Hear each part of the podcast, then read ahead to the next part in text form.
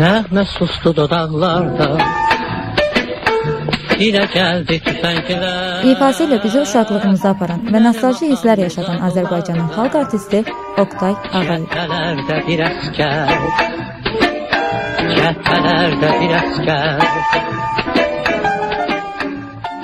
İstəyirəm bir balaca ekskurs edeyim.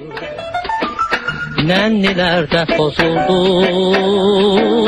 Arzuladıq 1934-cü ildə Bakıda anadan olan Oqtay Ağayevin uşaqlığı Böyük Vətən müharibəsi illərinə təsadüf edir. Yaşadığı çətinliklərə baxmayaraq, kiçik yaşlarından Oqtay bəyin musiqiyə böyük həvəsi olur.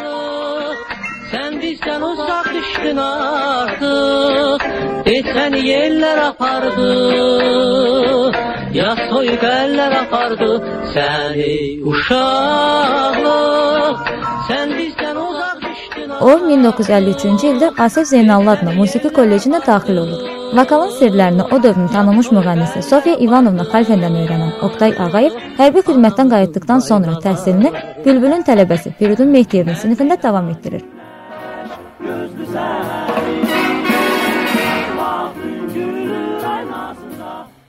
O 60-cı illərdə Qaya qrupunda solist kimi fəaliyyətə başlayıb. Orkestrin tərkibində Bakı, Tez gəl yar, Trevojnaya Maladus mahnılarını ifa ediblər.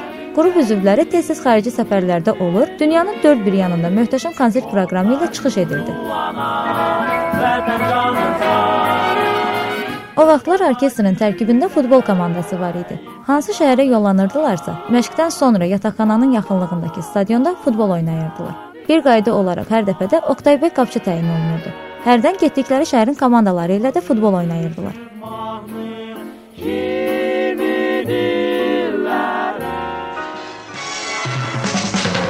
Dünyada min gözəl tapardım Sən mənim ömrümü qopardın Kreml sarayında 11 konsert verən Oqtay Ağayev SSR-nin bütün respublikalarında qastrol səfərlərində olub. Səfərlərinin birində bəstəkar Tofiq Əhmədovdan Bülbülün gəlib gəlmədiyini soruşanda, o Oqtay Ağayevi göstərərək Bülbül yoxdur, amma sərçə buradadır deyə bir zarafat edir.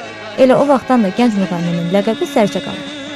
Ver mənim eşqimi O sənə heç gərək deyil Gəl qaytar Oqtay bəy Ağayev Tacikistana səfəri zamanı əslən Leninqrad şəhərindən olan Nadejda adlı bir xanımla tanış olur.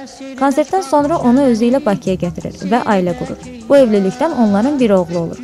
Müğənni xalq artisti Rəşid Beypudovun şərəfinə oğlunun adını Rəşid qoyur. Səndən özgə kimsəm yoxdurkən Durna kimi bahar vaxtıkən Gəl Oqtay Ağayev 1968-ci il Moskva səfərində Jamayka mahnısını ifa etdikdən sonra dinləyicilər onu səhnədən buraxmırlar. Bundan sonra gənc müğənniyə bu mahnını ifa etmək konsert təşkilatçıları tərəfindən qadağan edilir.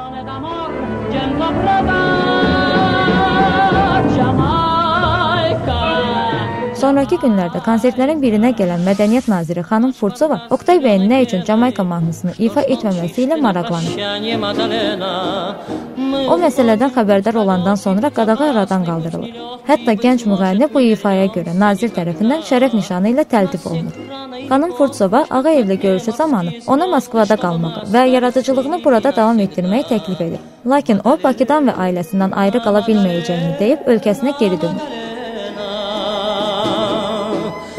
Знаю море, любовь не бесконечны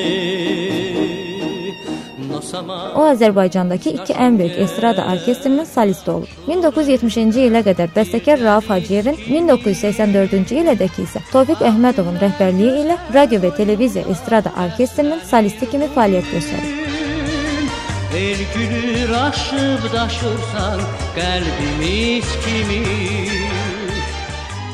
Onun Qaytar mənim eşqimi, Azərbaycanım mənim, yadındamı ötən günlər, eşqimin bəxti, kimsən sən, ey uşaqlıq ifaları bu gün də sevilərək dinlənilir. Kalbimiz kimi Ey vətən, ey duyğum Özünü bir müddət kino sahəsində də sınayan Oqtay bəy Ağayev, rejissor Arif Qaziyevin 1970-ci ildə çəkdiyi Toyda görüş filmində müğənni rolunu ifa edir. 20 ildən sonra isə Vaqif Mustafayevin Yapon və Yaponiyalı filmində milis rəisi obrazını canlandırır.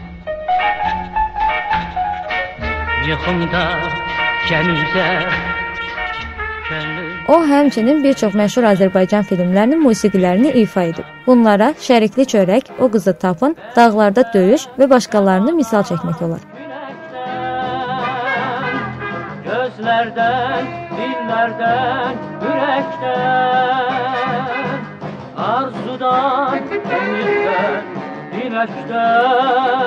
Sənətkar 90-cı illərdə təqaüdə çıxır. Həmin dövrdə yaşayış çətin olduğundan ailəsini dolandıra bilmək üçün Oqtay bəy Rəşid Beypudov adında Dövlət Mahnı Teatrında gözətçi kimi çalışır.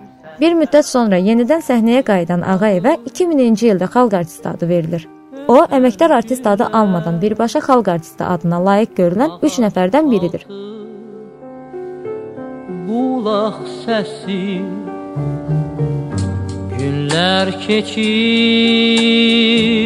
bizə qalır O günləri 2005-ci ildə yeganə övladı Rəşidi itirən Oqtay bəy Ağayev oğlundan sonra cəmi 1 il yaşayır. 2006-cı ilin 14 noyabr tarixində 72 yaşında dünyaya gözlərini əbədi yumur. öldük. Bəli. Rəşid Beypudov adına Dövlət Mahnı Teatrında vida mərasimi keçirildikdən sonra xalq artisti Yasama qəbristanlığında dəfn edilir. Gülnar Xıdırova GSRB. Gələsizim keçənləri Yada salaq dönə dönə Ötən günə gün çatarmı Calasanda gün